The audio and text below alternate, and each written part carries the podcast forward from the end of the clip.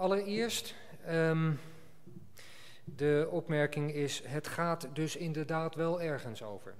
Ik denk dat dat in de voorgaande uh, twee lezingen ook nadrukkelijk naar voren is gekomen.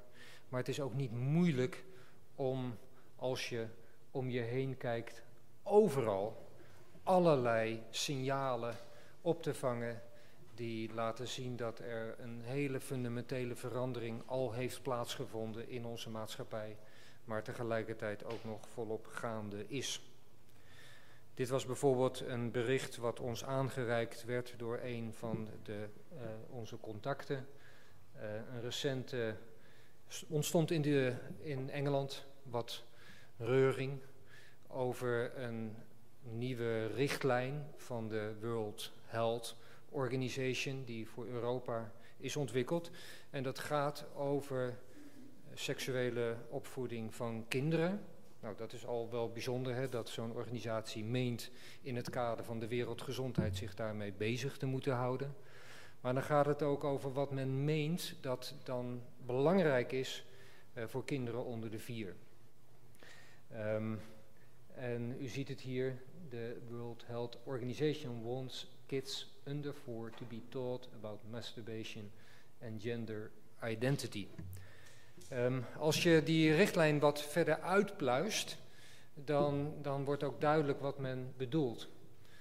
Kinderen onder de vier moeten informatie gegeven worden over early childhood masturbation, zoals dat heet. Zelfbevrediging is nodig om aan peuters reeds bij te brengen. Um, under four should be in, in, informed of the right to explore nakedness and the body and ask questions about sexuality. Of, wat denkt u deze, van deze, on transgenderism?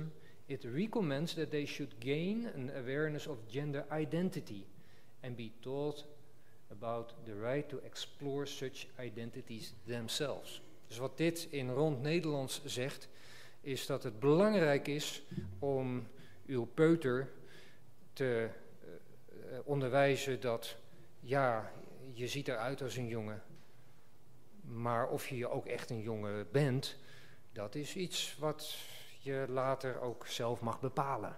Dat is eigenlijk wat hier staat. En dat is de fundamentele onzekerheid die kinderen dan kennelijk meegegeven moet worden op de meest jonge leeftijd. Uh, dit gaat verder. It advises that 4 to 6 year olds should be taught about same-sex relationships and respect for different norms regarding sexuality. He, 4 to, tot 6 jaar, dan is toch wel de tijd dat je volledig ingewijd moet zijn in homoseksualiteit en de verschillen daarin en de mogelijkheden daarin. En dan 9 to 12 year olds are to be enabled to make a conscious decision to have sexual experiences or not. Dus als je 9 tot 12 bent, dat is de tijd waarop je moet nadenken over het aangaan van seksuele relaties of niet en hoe daarvoor klaar te zijn. Nou, het is niet moeilijk om honderden van dit soort signalen op te pikken als je je oren daarvoor openzet. En we zullen daar ook in de loop van vandaag nog wel het nodige over horen. En dan zou je denken, het is nu uh, COVID-19, uh, uh, er is een crisis. Zouden die dingen dan niet meer op de achtergrond raken in zo'n tijd? Want dan hebben we toch wel belangrijkere dingen te doen. Nou, dat blijkt dus ook nog niet zo vanzelfsprekend te zijn. Zelfs COVID-19 is een reden om bepaalde ontwikkelingen te, niet te vertragen, maar te versnellen. Dat gaat bijvoorbeeld als volgt. Ja, abortus wordt gezien als een essential health service uh, in het denken van diezelfde Wereldgezondheidsorganisatie. Dat betekent natuurlijk dat toegang tot zo'n essential health service, die moet wel gewaarborgd zijn, ook in barre omstandigheden wanneer er een wereldcrisis is. Sterker, het zou wel eens kunnen zijn dat de vraag naar abortus stijgt in tijden als deze. Dus is het te meer een reden om ervoor te zorgen dat deze Essential Health Service volledig uh, uh, toegankelijk is. En dat betekent dat aanvullende maatregelen nodig zijn om deze Essential Health Service, om de toegankelijkheid daarvan veilig te stellen En dat betekent ook bijvoorbeeld dat medicatie op afstand als hulpmiddel daarbij uh, gerechtvaardigd kan zijn. dus zo denk ik dat het niet overdreven is om te stellen dat wat er ook gebeurt in de wereld, het is in de ogen van uh, genderisten en andere progressievelingen, is het een reden om te versnellen, niet om te vertragen. En dan dichterbij in Nederland deze week was er uh, enige ophef over de uh, KRO-televisieserie Spangas. Een serie die gaat over scholieren. En daar treedt nu voor het eerst een non-binair mens op. Dat in deze serie figureert. Een, een jongere die niet weet en ook niet wil weten of die man of vrouw is. Ik weet zelfs niet of het een hij of een zij is. Maar deze serie die zich lijkt te kenmerken door bijzondere maatschappelijke correctheid en allerlaatste trends die moeten beslist geadopteerd worden. Uh, nou, dus een non-binair persoon. En de maker van het programma zei dat hij zich zeer gesterkt voelde door het feit dat een elfjarige hem contacte, uh, omdat hij of zij ook met deze gevoelens worstelt en uh, zich zozeer herkende in, in deze non-binaire persoon in de serie. Dus ja, er zijn, er zijn veel signalen, maar dat is allemaal tot daar aan toe.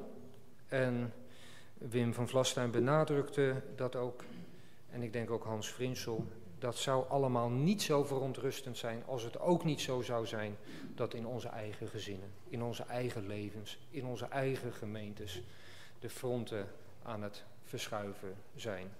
En iedere ambtsdrager die hier vanmorgen is, die zal dat denk ik moeten erkennen, heeft daar ook dagelijks mee te maken, dat er veel verandert, juist ook in onze eigen wereld. En dat begint met de eenvoudige dingen als oneerbare uh, kleding. Kees uh, heeft vaak bij onze besprekingen gezeten die net de vraag stelde. En hij woont in Gorkum. En uh, daar komen allemaal leerlingen voorbij fietsen die, die, naar de Gomarenschool gaan. En hij heeft het ons al menigmaal gezegd in, bij onze bijeenkomsten van hoe bestaat dat toch? Dat ouders hun kinderen zo over straat laten gaan. En dat is, dat is een symptoom, maar zo zijn er ook veelheden veel van symptomen, ook onder ons. En laten we daarin ook niet vergeten persoonlijk in de spiegel te kijken uh, hoe seksualiteit ook in onze eigen levens aanwezig is. Dus daar waar Nashville heel erg geframed is als een anti-homo-pamflet. En daardoor de werkgroep die daarbij betrokken was ook uh, heel sterk in, dat, in die context uh, kwam te staan. Is het denk ik belangrijk om op te merken dat we het hebben over een veel bredere problematiek. Dat we ook veel meer onszelf daarin moeten aankijken. En dat we echt uh, ons aandachtsveld ontoelaatbaar zouden versmallen als we het 9 van de 10 keer zouden hebben over homoseksualiteit. Natuurlijk moeten we het daarover hebben. Natuurlijk is dat ook fundamenteel. En uh, ook op dat vlak zijn er zorgen. Maar laten we ook dicht bij onszelf blijven. En dan gaat het dus over vragen als hoe leef ik rein en heilig in deze tijd? Hoe geef ik op een bijbelse wijze invulling aan het huwelijk? En hoe vervul ik op bijbelse wijze mijn positie als man of vrouw? Nou, wat is het plan voor het Bijbels beraad zoals we dat op dit moment zien? En mm, ik, ik zeg dit met de opmerking dat het ook een soort van voorlopig plan is. Want we willen ook graag de feedback ook van vandaag daar nog in uh, verwerken. Maar we hebben een visie ontwikkeld. U heeft die denk ik ook ontvangen. Uh, en daarin komt het erop neer dat we ons bezig willen houden met, we willen een bijdrage leveren aan bijbelse bezinning over de verhouding van man, vrouw, huwelijk en seksualiteit ten behoeve van christenen, kerken en gemeenten in Nederland. En daarbij gaat het, zoals ik ook eerder zei, om de breedte van uh, christelijk Nederland. Allen die wat dit betreft willen staan uh, op het Bijbels fundament en de Bijbel als norm en richtsnoer willen zien. Uh, maar ook de diepste betekenis daarvan, zoals Wim van Vlastuin dat in zijn betoog uitwerkte. U weet, wij hebben een geschiedenis en die heeft iets te maken met de Nashville-verklaring, om het wat eufemistisch te, uit te drukken. Um, zoals wij daarin staan, ik kan u dat wel zeggen, we hebben best een discussie gehad. Van gaan we nou door? Want dat moet ik als eerste zeggen. Onze eerste discussie is van moeten we nu verder? die hele storm was er geweest. En dat had heel veel losgemaakt. En we ook uh, een heel, hele framing heeft dat met zich meegebracht. Uh, moet je daarmee verder? Nou, de werkgroep zoals die toen bij elkaar zat, die heeft uiteindelijk gezegd, ja, we moeten er zeker mee verder. Het is, het, de thematiek is zo belangrijk en zo fundamenteel. Uh, het, we moeten hier een vervolg aan geven. Vervolgens hebben we ook de discussie gehad van doen we dat onder de vlag van Nashville of doen we dat onder een andere naam. En we hebben nadrukkelijk besloten voor het laatste. Niet omdat we ons willen schamen uh, voor Nashville. Niet omdat we dat willen wegstoppen, niet omdat we er niet meer achter staan. We staan er voluit achter als uh, verklaring. We erkennen ook voluit dat er het nodige verkeerd is gegaan bij de, de publicatie daarvan. Maar inhoudelijk kunnen we ons daar hartelijk in, uh, in vinden. maar wij zijn niet een anti-homo groep.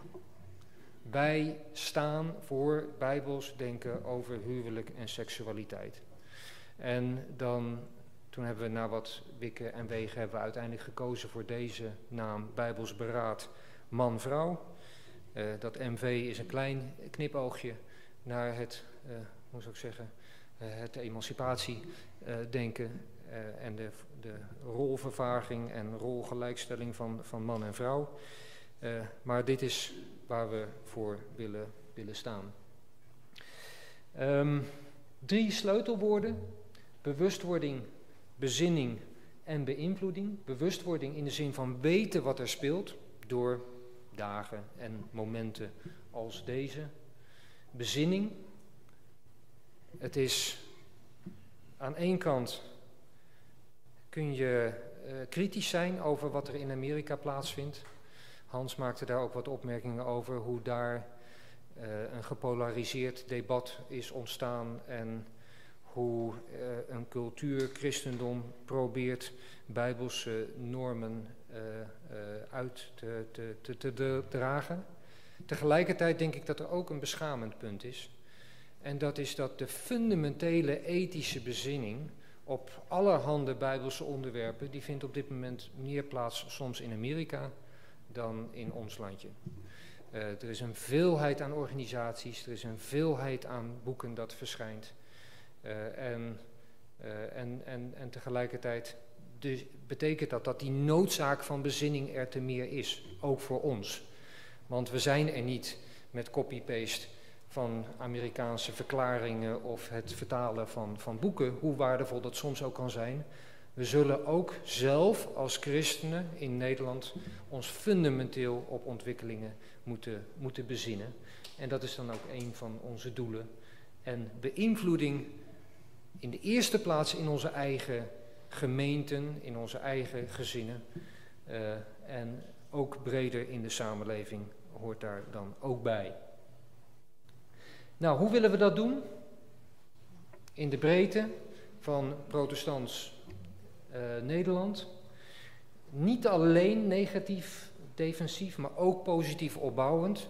Ik vond wat dat betreft de lezing van Wim zojuist een uitstekend voorbeeld van hoe nou ook juist de, de diepte en de, eh, de rijkdom van het bijbelse denken over huwelijk en gezin en seksualiteit, hoe dat ook naar voren gebracht kan worden en hoe we dat ook moeten doen. We willen aansluiten op relevante internationale netwerken. Er is een, een soort van organisatie die een beetje lijkt op die van ons. Dat is de Council for Biblical Men and Womanhood in Amerika. Het bestaat al vrij lang is ooit ook de, de organisatie geweest die de Nashville-verklaring als eerste heeft, heeft opgesteld. Ehm, het is niet dat we die organisatie gaan kopiëren, want wij staan in de Nederlandse context en tegelijkertijd valt er het nodige te leren van wat deze organisaties al uh, gedaan hebben. En het hebben van contacten is relevant. Ook omdat op dit moment vooral in internationale organisaties zoals de Verenigde Naties, en ik denk dat Henk-Jan van Schothorst daar later ook vandaag uh, nog wel wat van zal zeggen, juist daar vindt heel veel van de fundamentele gedachtenvorming plaats. En van daaruit worden ook de uh, landelijke overheden en allerlei organisaties beïnvloed. En dan tenslotte willen we nauw samenwerken met gerelateerde organisaties in Nederland. Wij zijn een organisatie, maar tegelijkertijd we staan voor een gezamenlijke opgave. En we willen ook daar waar mogelijk die samenwerking opzoeken. We hebben ons inmiddels georganiseerd. Er is een uh, bestuur. Alle bestuursleden zijn hier ook uh, uh, vandaag. Er is een visiegroep gevormd waar we erg blij mee zijn. Er zijn een stuk of twaalf predikanten en voorgangers die daarin deelnemen. De mannen die de openingen en sluitingen doen vandaag, die zijn lid van die visiegroep. En we zien dat als een soort van raad van advies, als je het zo wil zeggen. Om ervoor te zorgen dat we inhoudelijk ons ook op de goede thema's ontwikkelen en, uh, en doorontwikkelen. En we zijn in uh, een redactie aan het vormen. Daar zijn we ook al een heel eind mee, want een van onze doelen is dat we zeer actief willen gaan publiceren op verschillende manieren. En tegelijkertijd zien we onszelf als een netwerkorganisatie. We werken samen met partners aan één kant en met de kerken aan de andere kant. Nou, wat is dan concreet ons plan voor de komende tijd? Um, we hopen binnen zeg één, uiterlijk twee maanden uh, op een punt te zijn dat we ook met het Bijbels beraad man-vrouw naar buiten kunnen treden. Um, maar we willen, daar, we willen dat doen op een moment dat we daar ook goed gereed voor zijn. We hebben er bewust voor gekozen, zoals ik al zei, om deze bijeenkomst nog een besloten bijeenkomst te, uh, te laten zijn. Maar uh, de soort van dingen waar we dan nu mee bezig zijn. de stichting is in oprichting. Uh, er komt dus een stichting, Bijbelsberaad, man-vrouw, die zo'n ambi-status hebben. We hebben een redactieteam al voor in belangrijke mate gevormd, maar zijn er ook nog verder mee bezig. Het is een vertaalteam wat we aan het vormen zijn, zodat er ook relevante publicaties uit het buitenland ook vertaald kunnen, kunnen worden. En nou ja, zo ziet u een aantal uh, dingen die in ieder geval op korte termijn ons bezighouden. En dan op langere termijn denken we dat meer fundamentele bezinning op relevante thema's van belang is. Dus het ook echt fundamenteel doordenken van nieuwe vraagstukken die op ons afkomen. Toerustingsprogramma's van ambtsdragers, het internationale netwerk ontwikkelen. En uiteindelijk het laten horen van een bijbels geluid in het maatschappelijk debat. De, ik zei het al eventjes, we willen heel actief zijn, ook als het gaat om het publiceren. Dus dit is een, uh, een soort van, hoe noem je dat, preview een, uh, van de, de website waar we mee bezig zijn. Dat zal een, een, forum zijn waar we regelmatig artikelen willen publiceren. Um, niet alles zal door onszelf geschreven worden. We willen ook kijken naar relevante publicaties artikelen die door anderen geschreven worden. Het zal ook niet allemaal in de vorm van schrijven zijn. We denken ook aan uh, podcasts, we denken ook aan, uh, aan video's. Uh, en we willen daarbij ook goed samenwerken met andere platforms die publiceren, waaronder uiteraard het RD, maar ook andere media. Mocht u daarin ook suggesties hebben, laat ons die weten. Uh, mocht u daar zelf een bijdrage aan willen leveren, laat ons dat ook weten. Uh, maar dit is voor ons, wat ons betreft, een belangrijk speerpunt. En dominee Rini van Renen, die hier zit, die zal het redactieteam trekken. Zodra wij iemand vinden die hem van het secretariaatschap wil ontlasten. Althans, hij is al met beide bezig, maar hij kan niet onder die zware last van twee dingen blijven lopen. en, maar hij is hier al, al hard mee bezig samen met een aantal anderen. Goed, dat eventjes als een, als een korte overview van wat, waar staan we met Bijbels beraad man-vrouw en wat zijn onze plannen. Ik geef u nu geen gelegenheid voor vragen of reacties, maar vanmiddag hebben we een onderdeel om dat wel te doen. En uh, ik wil u vragen of u daar ook uw gedachten een beetje over laat gaan. Want uh, we kunnen alle goede adviezen en uh, alle ideeën kunnen we goed gebruiken. Ik wil daarmee dan nu overgaan naar het laatste programma onderdeel voor deze ochtend. En dat zijn drie korte bijdrages vanuit verschillende perspectieven. We hebben er drie deze ochtend en we hebben er drie uh, vanmiddag. Omdat we ons realiseren dat velen van ons op verschillende manieren betrokken zijn bij dit onderwerp. En dan is het ook belangrijk om daarin elkaar te begrijpen. Ook te weten wat de ontwikkelingen zijn zoals je die ziet vanuit de verschillende perspectieven. En daarin dan ook gedachten te krijgen van ja, en hoe moeten we daar nou ons toe verhouden.